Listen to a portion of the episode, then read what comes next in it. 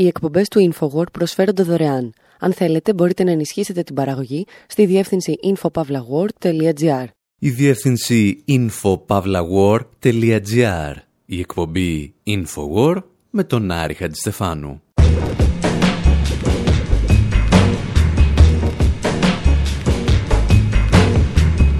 Όπου σήμερα αναρωτιόμαστε αν κάτι παλιόπαιδα με στολή που παίζουν πετροπόλεμο στα Ιμαλάια θα μπορούσαν να έχουν πυροδοτήσει τον Τρίτο Παγκόσμιο Πόλεμο πριν από μία εβδομάδα.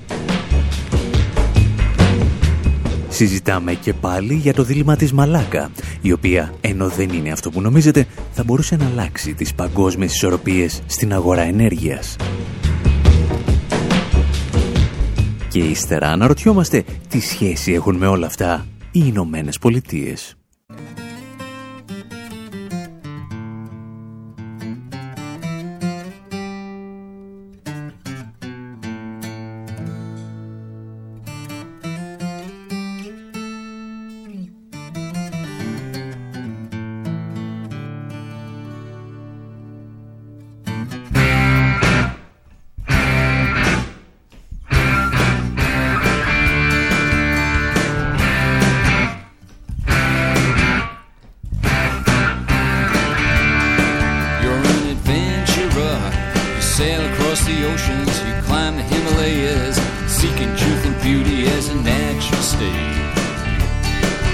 You're a queen reborn, worship from above the far, some see you as an elixir, an elemental natural seeking perfect prey.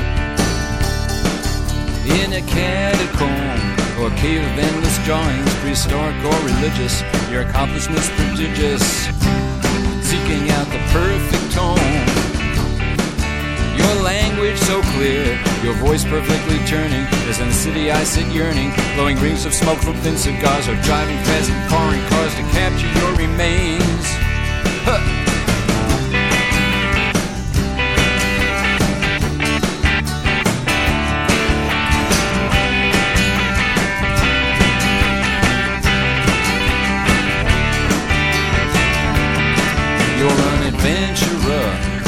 Turban wet right round your head on the mountainside that predict your death. Oh, how you fool them all subjects are a poor excuse when what you really want's amuse and inspirating knowledge of what comes before. Ooh, speeds of light, the momentary flicker of a candle in its wicker basket, smoking wax facts. Did you find that superior knowledge that eluded you in college? Did you find that super vortex that could cause your cerebral cortex? Ooh, to lose its grip you're an adventurer. You're out looking for meaning while the rest of us were steaming in an inspirating uh, urban pit. An adventurer. You enter as I'm dreaming. I wish I'd never wake up, differentiating, scheming from my one true love.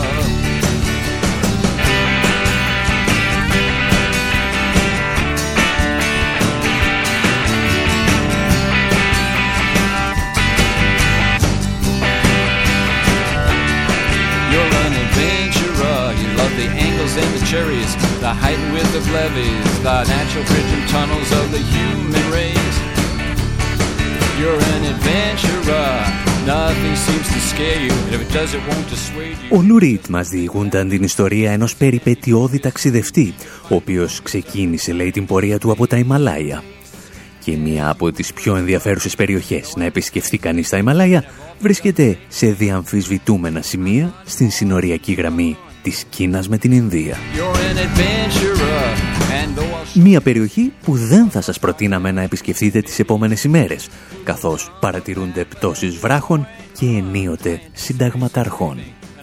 Το ακούσαμε στα μέσα Μαΐου στο Βρετανικό δίκτυο Channel 4. Details emerged of how hundreds of soldiers from two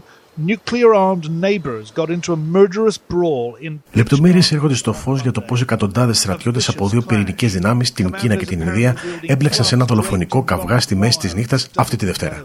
Ήταν μια φρικτή σύγκρουση. Διοικητές μονάδων φέρονται να κρατούσαν πασάλους τυλιγμένους με σηματόπλεγμα, στους οποίους είχαν τοποθετήσει και καρφιά.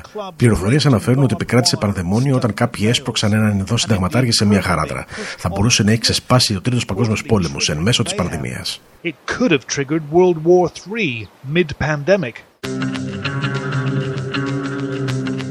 Από τη σύγκρουση σκοτώθηκαν τουλάχιστον 20 Ινδοί στρατιώτες, ενώ σύμφωνα με πληροφορίες ο συνολικός αριθμός των θυμάτων και από τις δύο πλευρές ενδέχεται να ήταν ο διπλάσιος.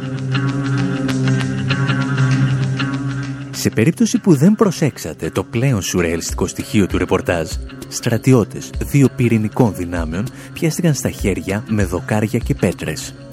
Έκαναν δηλαδή ακριβώς το αντίθετο από αυτό που είχε προβλέψει ο Einstein. Ο μεγάλος φυσικός έλεγε ότι ο τέταρτος παγκόσμιος πόλεμος θα διεξαχθεί με πέτρες και ξύλα, καθώς η ανθρωπότητα θα έχει καταστραφεί στον τρίτο παγκόσμιο πόλεμο. Στα Ιμαλάια πάντως έγινε το αντίθετο. Οι στρατιώτες πλακώθηκαν με πέτρες και ξύλα, απειλώντας να προκαλέσουν έναν πόλεμο μεταξύ δύο πυρηνικών δυνάμεων. Εκ πρώτης όψεως, η αντιπαράθεση φαντάζει ασήμαντη, καθώς οι δύο πλευρές διαφωνούσαν για μια διαμφισβητούμενη αλλά ακατοίκητη περιοχή των συνόρων, στην οποία δεν φυτρώνει ούτε χορτάρι. Και σίγουρα δεν ζει άνθρωπος. Κοντά σε ορισμένες από τις διαμφισβητούμενες περιοχές των συνόρων όμως παίζεται ένα από τα σημαντικότερα γεωπολιτικά παιχνίδια του 21ου αιώνα. Γιατί από εκεί θα περάσει ο λεγόμενος οικονομικός διάδρομος Κίνας-Πακιστάν. Πρόκειται για ένα έργο υποδομής αξίας τουλάχιστον 60 δισεκατομμυρίων δολαρίων, με το οποίο η Κίνα θα αποκτήσει πρόσβαση στο λιμάνι του Γκουαντάρ, στο Πακιστάν. Για να καταλάβουμε όμως γιατί αυτό μπορεί να επηρεάσει το οικονομικό μέλλον ολόκληρου του πλανήτη, θα πρέπει πρώτα να πούμε δύο κουβέντες για το οικονομικό δίλημα της Μαλάκας. Και θα το κάνουμε ύστερα από αυτό.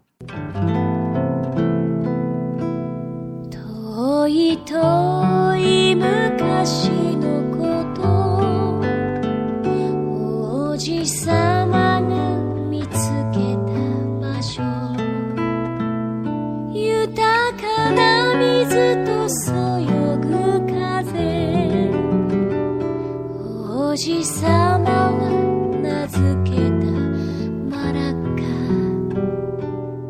間もなく街は栄えて。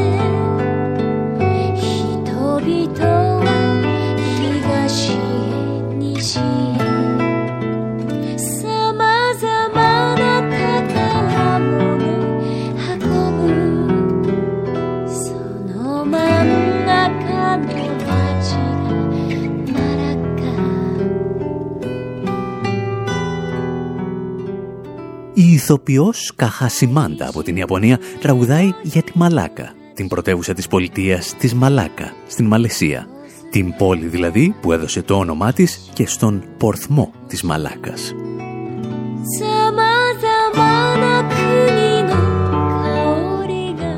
Και αν νομίζετε ότι κάναμε όλη αυτή την εκπομπή για να λέμε τη λέξη μαλάκα, όπως ο Ταραντίνο γυρίζει ταινίες με μαύρους για να λέει συνεχώς νέγρος, εμείς έχουμε και μερικές ακόμη πληροφορίες να προσθέσουμε. Από το συγκεκριμένο πορθμό περνά βλέπετε το 80% του πετρελαίου και του φυσικού αερίου της Μέσης Ανατολής το οποίο καταναλώνει η Κίνα. Και αντίστροφα από εκεί περνά το σημαντικότερο τμήμα των εξαγωγών της Κίνας προς όλο τον κόσμο. Όποιος ελέγχει δηλαδή τον πορθμό μπορεί να προκαλέσει τρομακτική καταστροφή στην μεγαλύτερη οικονομία του πλανήτη σε διάστημα λίγων εβδομάδων, εάν όχι ημερών. Και όπως εξηγούσε πριν από μερικά χρόνια ο γνωστός ντοκιμαντερίστας Τζον Πίλτζερ, οι Ηνωμένες Πολιτείες έστειλαν το μήνυμα ότι μπορούν να το κάνουν. Μπορούν να αποκλείσουν τον πορθμό. I was there not long ago and I spoke to a number of their strategists Ήμουν στην Κίνα πριν λίγο καιρό. Μίλησα με ανθρώπους που χαράσουν τη στρατηγική της χώρας και είναι ανήσυχοι. Ταυτόχρονα είναι μπερδεμένοι και κάποιοι από αυτούς είναι πολύ θυμωμένοι. Το γεγονός ότι κατασκευάζουν αεροδιαδρόμου στα νησιά Σπράτλι και Πάρασελ στη θάλασσα της Νότιας Κίνας αποτελεί ουσιαστικά μια αμυντική κίνηση. Οι Ηνωμένες Πολιτείες έχουν πραγματοποιήσει στην περιοχή τη μεγαλύτερη ναυτική άσκηση στην ιστορία. Την ονόμασαν φυλακτό σπάθη και δοκίμασαν τον αποκλεισμό του πορθμού της Μαλάκα, μέσω του οποίου περνά το 80% του πετρελαίου και των πρώτων υλών της Κίνας. Οι Κινέζοι τα καταλαβαίνουν αυτά. Τα ξέρουν Αν και τα δικά μας μέσα ενημέρωσης δεν τα εξηγούν σε εμάς, εκείνοι σίγουρα τα γνωρίζουν.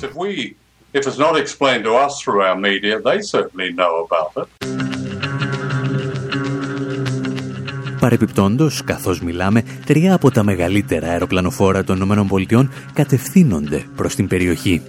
Μια μικρή υπενθύμηση για το τι μπορεί να κάνει η Ουάσιγκτον, εάν το αποφασίσει.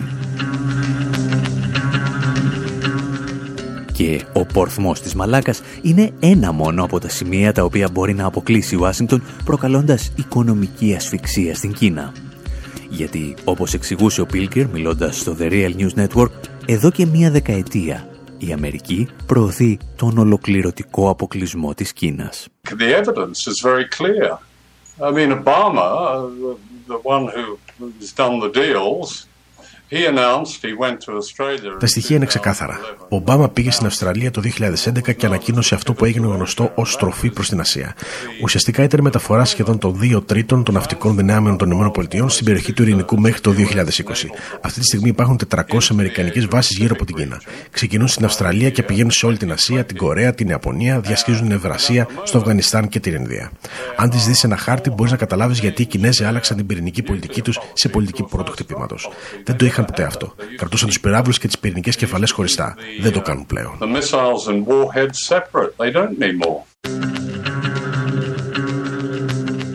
Η Κίνα λοιπόν άλλαξε το στρατηγικό πυρηνικό της δόγμα για να αντιμετωπίσει την αμερικανική επιθετικότητα, ενώ παράλληλα αναζητούσε εναλλακτικούς διαδρόμους για την εισαγωγή πρώτων υλών και την εξαγωγή προϊόντων.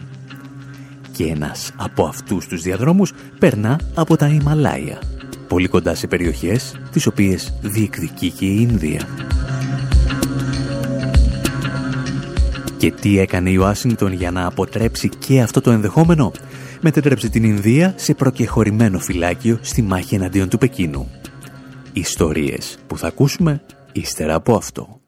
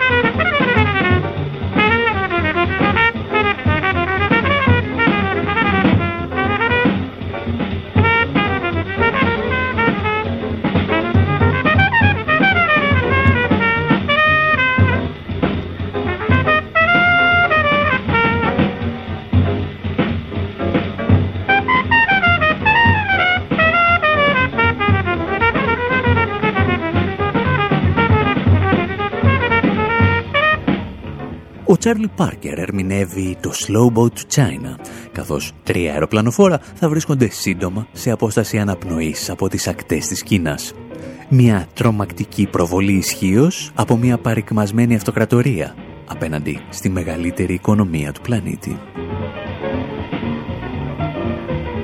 Εμείς πάλι συζητάμε για την πρόσφατη συμπλοκή μεταξύ Ινδών και Κινέζων στρατιωτών στα Ιμαλάια, υποπτευόμενοι ότι δεν είναι απλώς η συνέχεια μιας συνοριακής διένεξης που ξεκίνησε στις αρχές του 20ου αιώνα. Είναι ένα ακόμη παράπλευρο επεισόδιο στον ψυχρό πόλεμο της Ουάσιγκτον με το Πεκίνο. Και για να κατανοήσουμε τις ευρύτερες ισορροπίες στην περιοχή, θα δώσουμε και πάλι τον λόγο στον εξαιρετικό μαρξιστή ιστορικό από την Ινδία, Διχάη Πρασάντ, να μας εξηγήσει πώς ο Πρωθυπουργός της Ινδίας καταφέρε να μετατρέψει τη χώρα του σε μια μεγάλη στρατιωτική βάση των Ηνωμένων Πολιτειών. Modi is an interesting man. Uh, he uh, you know, has eager to make a very close relationship with the United States. Ο Μόντι είναι ένας ενδιαφέρον άνθρωπος. Είναι, ξέρετε, πρόθυμος να εδραιώσει μια πολύ στενή σχέση με τις ΗΠΑ. Αυτή ήταν η θέση του κόμματός του και η πορεία που ακολουθεί από τότε που η Ινδία έγινε ανεξάρτητη. Το 1947 οι προκάτοχοί του στο κόμμα ήθελαν να ασκήσουν πιέσεις για ενίσχυση των σχέσεων με τις ΗΠΑ. Ήταν σκληροί αντικομουνιστές. Δυστυχώς για αυτούς, για τα επόμενα περίπου 50 χρόνια, η Ινδία τήρησε ουδέτερη σχέση όσον αφορά τη Σοβιετική Ένωση και τις ΗΠΑ. Στην πραγματικότητα ήταν πολύ καχύποπτη απέναντι στις ΗΠΑ. Ο κύριος Μόντι, βέβαια, θέλει να έχει στενέ σχέσει με τις ΗΠΑ, γεγονός το οποίο αποτελεί μια πολύ διαφορετική προσέγγιση για την εξωτερική πολιτική της Ινδίας.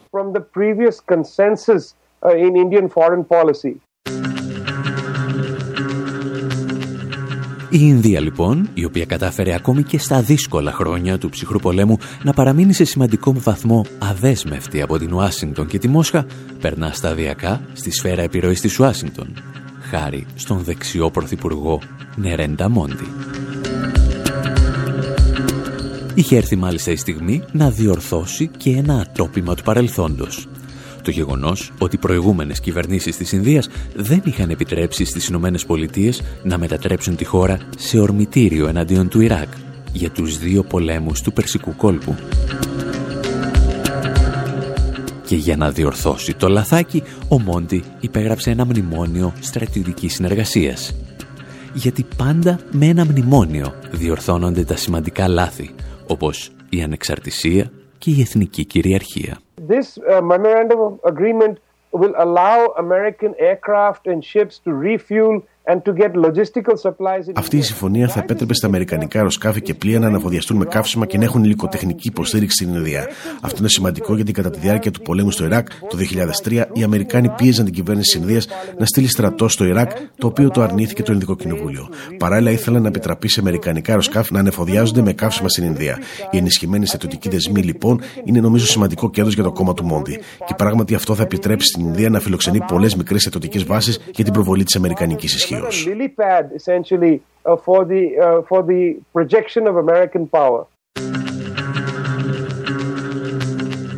Το ερώτημα βέβαια σε αυτό το σημείο δεν είναι αν η Ουάσιγκτον χρησιμοποιεί την Ινδία για την προβολή της στρατιωτικής της ισχύω, αλλά σε ποιον προβάλλει την ισχύ της.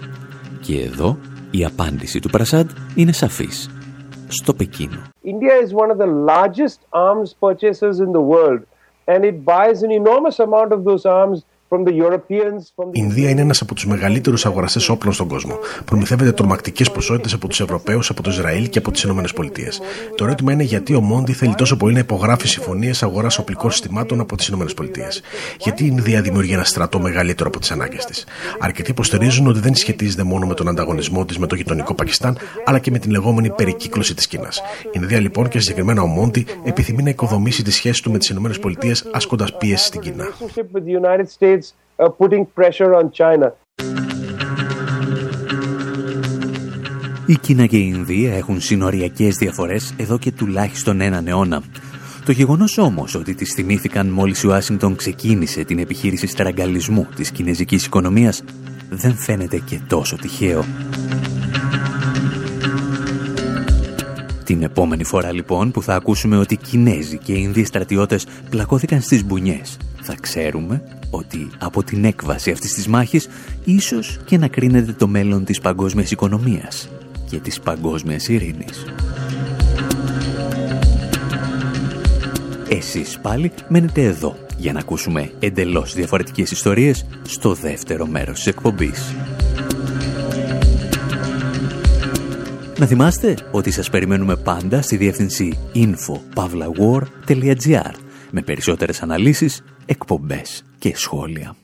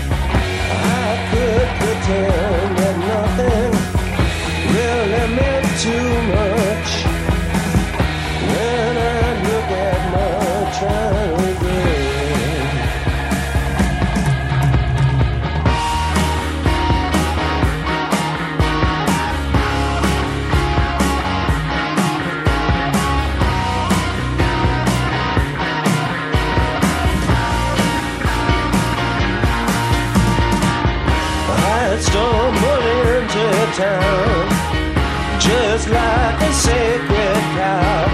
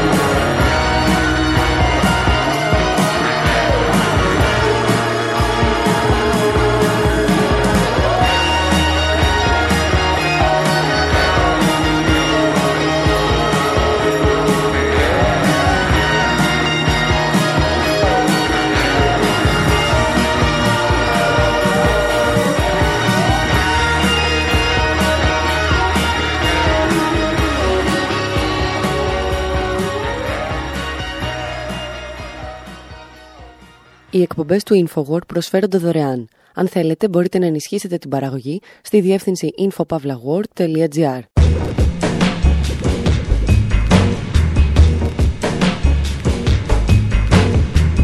όπου σήμερα στοιχηματίζουμε ότι αν μας πείτε τι τρώτε, μπορούμε να σας πούμε με σχετική βεβαιότητα, το λόμπι ποιας εταιρείας σας έπεισε ότι αυτό θέλετε να τρώτε.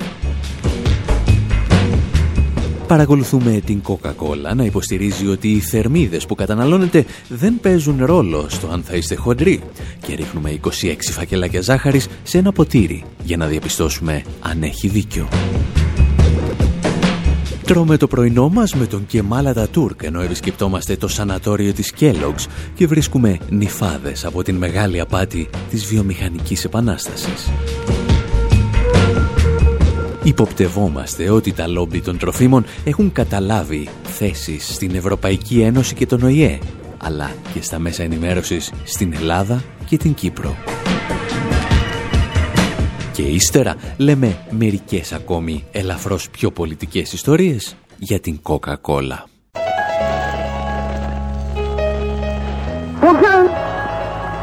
Cumhuriyetimizin 10. yılını doldurdum. Kutlu olsun. Bu anda büyük Türk milletinin bir ferdi olarak bu kutlu güne kavuşmanın en derin sevinci ve heyecanı içindeyim.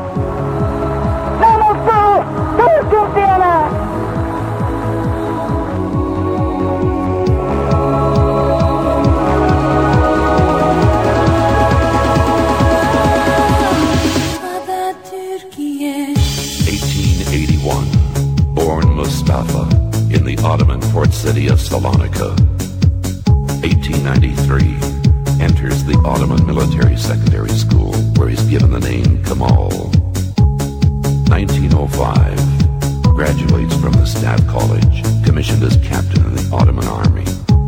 1914, the Ottoman Empire sides with the Central Powers. World War I begins.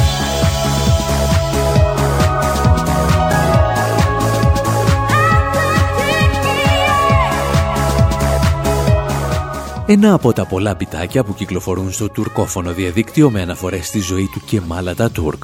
Και σχεδόν όλα τα πιτάκια έχουν τα καλύτερα λόγια να πούν για τον λεγόμενο πατέρα των Τούρκων. 1918, World War Ένα όμως από τα επιτεύγματα του Ατατούρκ το οποίο κανείς δεν φαίνεται να εξυμνεί είναι ότι έπεισε ολόκληρη την Τουρκία να πίνει τσάι.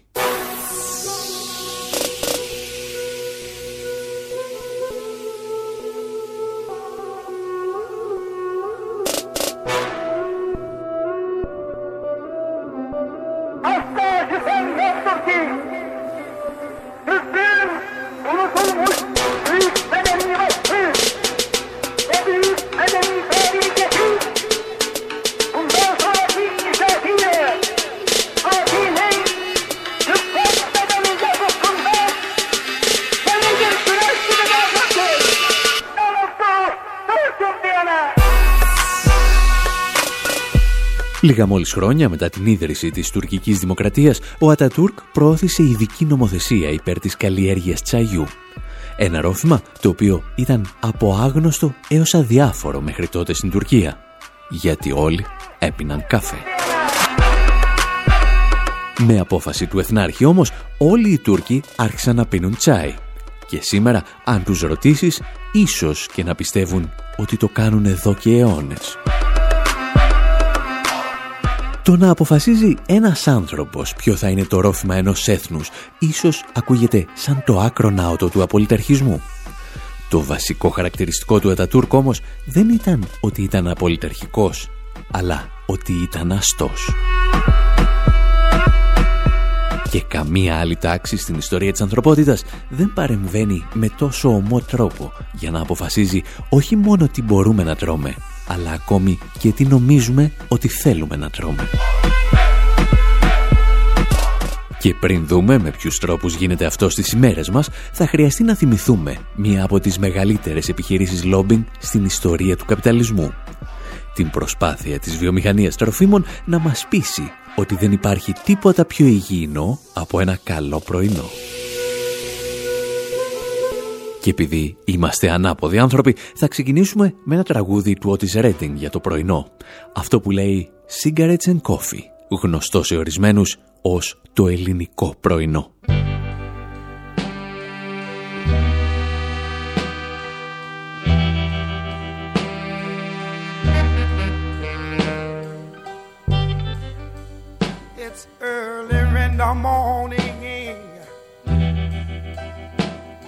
About a quarter till three. I'm sitting here talking with my baby over cigarettes and coffee. And to tell you that, dog, I've been so satisfied. Honey, since I've met you baby, since I met you. Oh, oh places that I've been around, and all the good-looking girls I've met, they just don't seem to fit in. No, in this particular set, yeah.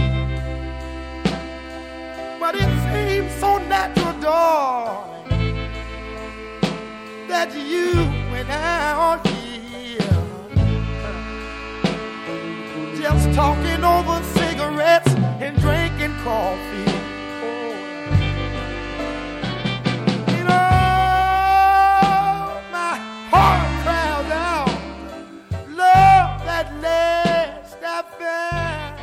Ο Ότις Ρέντινγκ τραγουδά για τη μαγεία ενός πρωινού στο οποίο κάθεται με την κοπέλα του και απολαμβάνουν καφέ και τσιγάρα.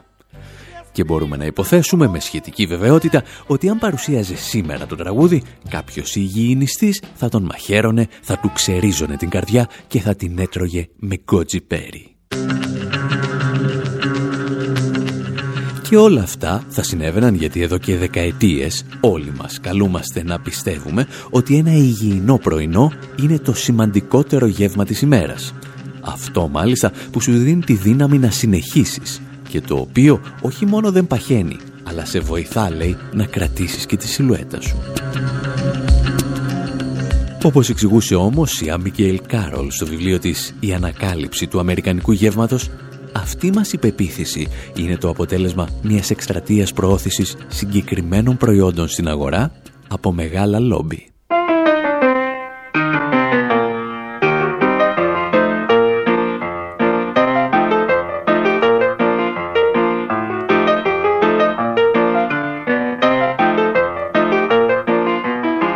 Πριν από το 19ο αιώνα το πρωινό ήταν ένα ασήμαντο γεύμα στις Ηνωμένες Πολιτείες. Το λεγόμενο πρωινό του αγρότη αποτελούνταν συνήθως από τα αποφάγια της προηγούμενης ημέρας. Κάτι δηλαδή σαν να τρως την χθεσινή παγωμένη πίτσα. Το γεγονός αυτό καθιστούσε το πρωινό βαρύ και δυσκολοχώνευτο σε ορισμένες περιπτώσεις. Με την επικράτηση όμως της βιομηχανικής επανάστασης υπήρχε μία ανησυχία για το ποια τρόφιμα θα μπορούσαν να αυξήσουν την παραγωγικότητα της εργασίας. Και η λύση που προτάθηκε, τουλάχιστον στις Ηνωμένες Πολιτείες, ήταν ένα ελαφρύ πρωινό με δημητριακά, το οποίο παρεπιπτόντος μέχρι τότε χρησιμοποιούνταν μόνο σε σανατόρια. Για την ιστορία, η αυτοκρατορία τροφίμων της Kellogg's γεννήθηκε σε ένα σανατόριο από έναν βαθιά θρησκευόμενο άνθρωπο που άκουγε στο όνομα Harvey Kellogg ο οποίος Κέλογκ μεταξύ άλλων πίστευε ότι οι νυφάδες Δημητριακών μπορούν να σώσουν την ανθρωπότητα από την μεγαλύτερη απειλή, τον αυνανισμό. Ο Κέλογκ ηγήθηκε τότε ενός κινήματος υγιεινισμού, τα χαρακτηριστικά του οποίου θύμιζαν θρησκευτική σέκτα. Οι πιστοί λάμβαναν τις εντολές κάποιου γκούρου, ο οποίος παρουσιάζονταν σαν επιστημονική αυθεντία. Περίπου δηλαδή ό,τι συμβαίνει και σήμερα.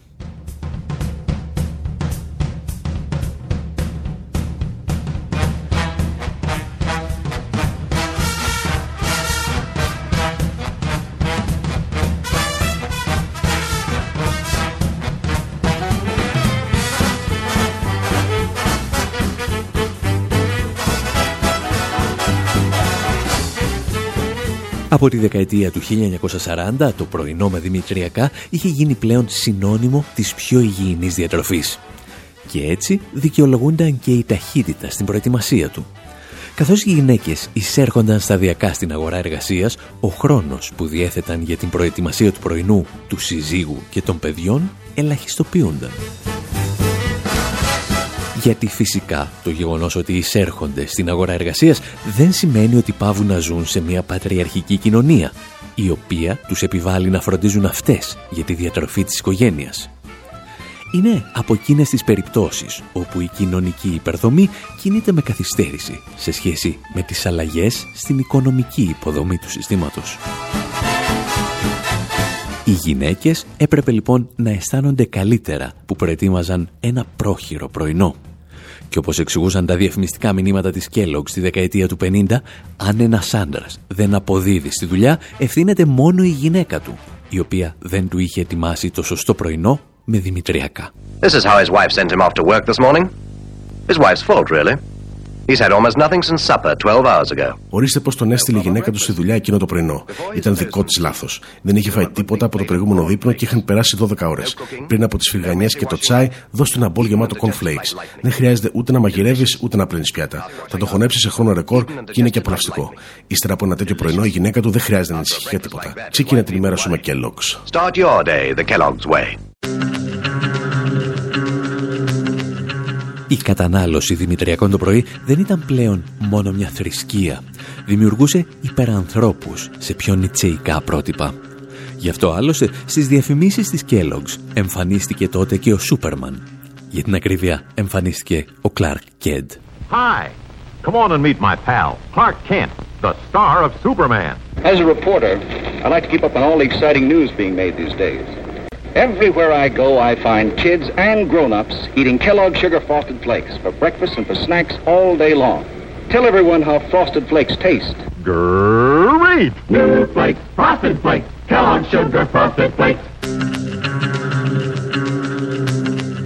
Το γεγονός ότι η Kellogg's προτίμησε για τα διαφημιστικά της τον δημοσιογράφο Clark Kent και όχι τον υπεράνθρωπο Σούπερμαν είναι ίσως συμπτωματικό.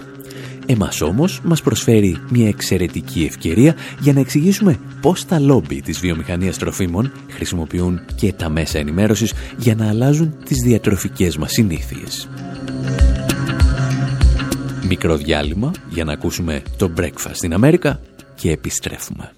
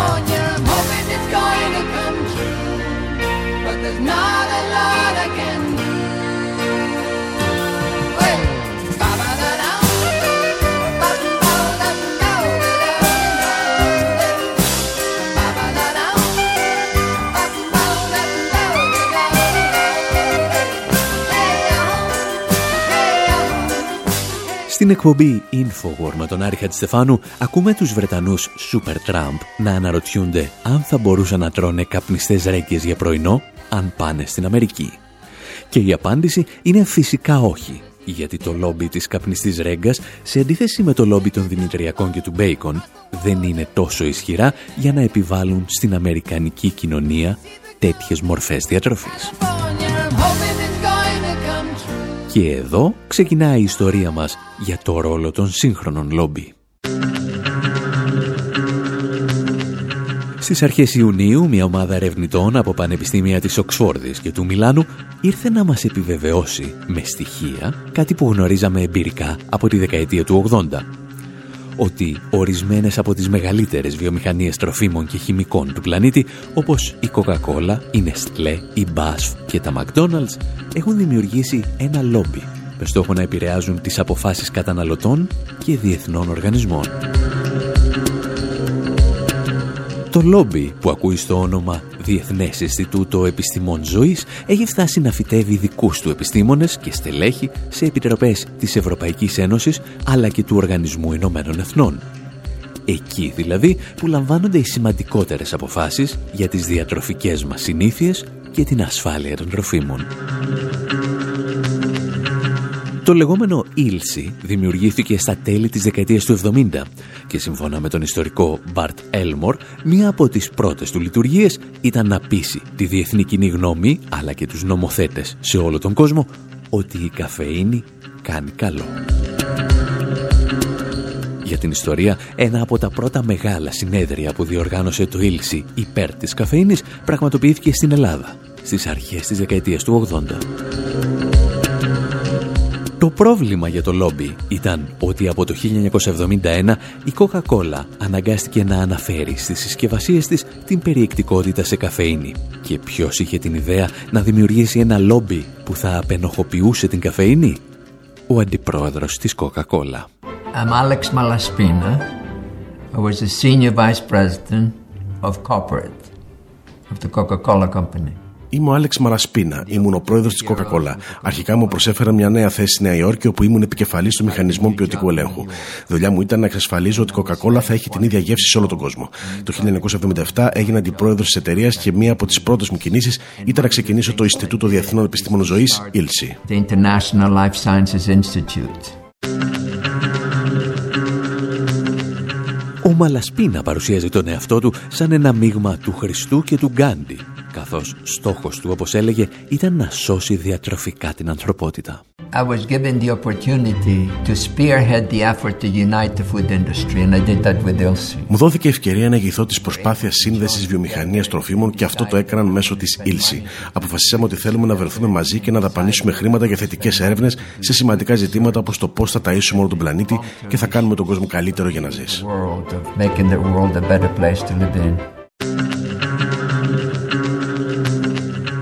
Το πώς ακριβώς θα γινόταν ο κόσμος καλύτερος το μάθαμε αρκετές φορές τις τελευταίες δεκαετίες.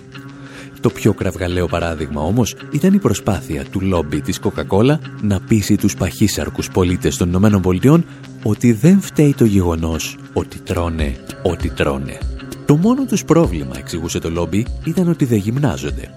Επιχείρημα τόσο σαθρό που εξόργησε ακόμη και τους δημοσιογράφους του Fox News. Sugary drinks like Coca Cola are not to blame for America's obesity problem. That's the word from a scientific organization that reportedly gets money from Coca-Cola. Τα αναψυκτικά που περιέχουν ζάχαρη όπως η Coca-Cola δεν ευθύνονται για το πρόβλημα παχυσαρκία στις ΗΠΑ. Αυτό τουλάχιστον υποστηρίζει ένας επιστημονικός οργανισμός, ο οποίος χρηματοδοτείται από την Coca-Cola. Σύμφωνα με του New York Times, η εταιρεία δαπάνησε τουλάχιστον ένα εκατομμύριο δολάρια για να δημιουργήσει αυτή την επιστημονική ομάδα. Είναι χαρακτηριστικό ότι ακόμη και η ιστοσελίδα της ομάδας υπάγεται στα κεντρικά γραφεία της Coca-Cola. Σύμφωνα με την οργάνωση, οι θερμίδες δεν παίζουν ρόλο αν θες να χάσεις βάρος. Σημασία έχει μόνο η γυμναστική. Οι ειδικοί σε θέματα υγείας υποστηρίζουν ότι αυτό το συμπέρασμα αποπροσανατολίζει το κοινό. Εμείς επικοινωνήσαμε με την Coca-Cola, αλλά δεν μας απάντησαν. We reached out to Coca-Cola for a response. They've not gotten back to us.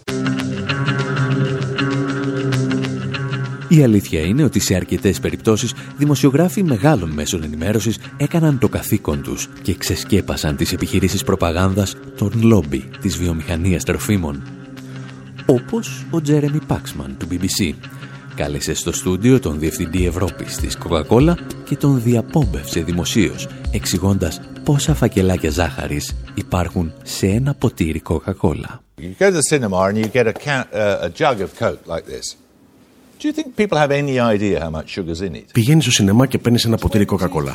Νομίζετε ότι ο κόσμος έχει την παραμικρή ιδέα για το πόσο ζάχαρη έχει μέσα. Είναι το ισοδύναμο από 23 φακελάκια ζάχαρης. Αυτή είναι η τρομακτική ποσότητα, έτσι δεν είναι; Now that is a staggering amount of sugar, isn't it?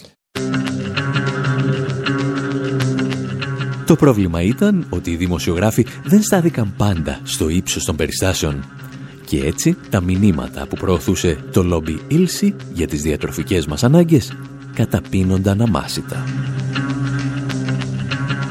Στην Ελλάδα, παραδείγματος χάρη, πριν από δύο χρόνια, διαβάζαμε σε δεκάδες ιστοσελίδες ότι τέσσερα φλιτζάνια καφέ την ημέρα δεν βλάπτουν καθόλου την υγεία μας. Και φυσικά, μοναδική πηγή για τη συγκεκριμένη πληροφορία ήταν επιστήμονες του Διεθνούς Ινστιτούτου Επιστημών Ζωής.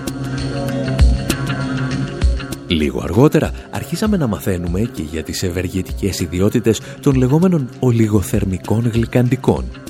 Συστατικά τα οποία εντελώς συμπτωματικά άρχισαν να χρησιμοποιούν στα προϊόντα τους ορισμένοι από τους βασικούς χρηματοδότες του λόμπι. Κάπου εδώ πάντως εμείς λέμε να σας αφήσουμε και για αυτή την εβδομάδα. Από τον Άρη Στεφάνου στο μικρόφωνο, τη Μυρτώ Σιμεωνίδου σε εκφωνήσεις και τον Δημήτρη Σταθόπουλο στην τεχνική επιμέλεια. Γεια σας και χαρά σας.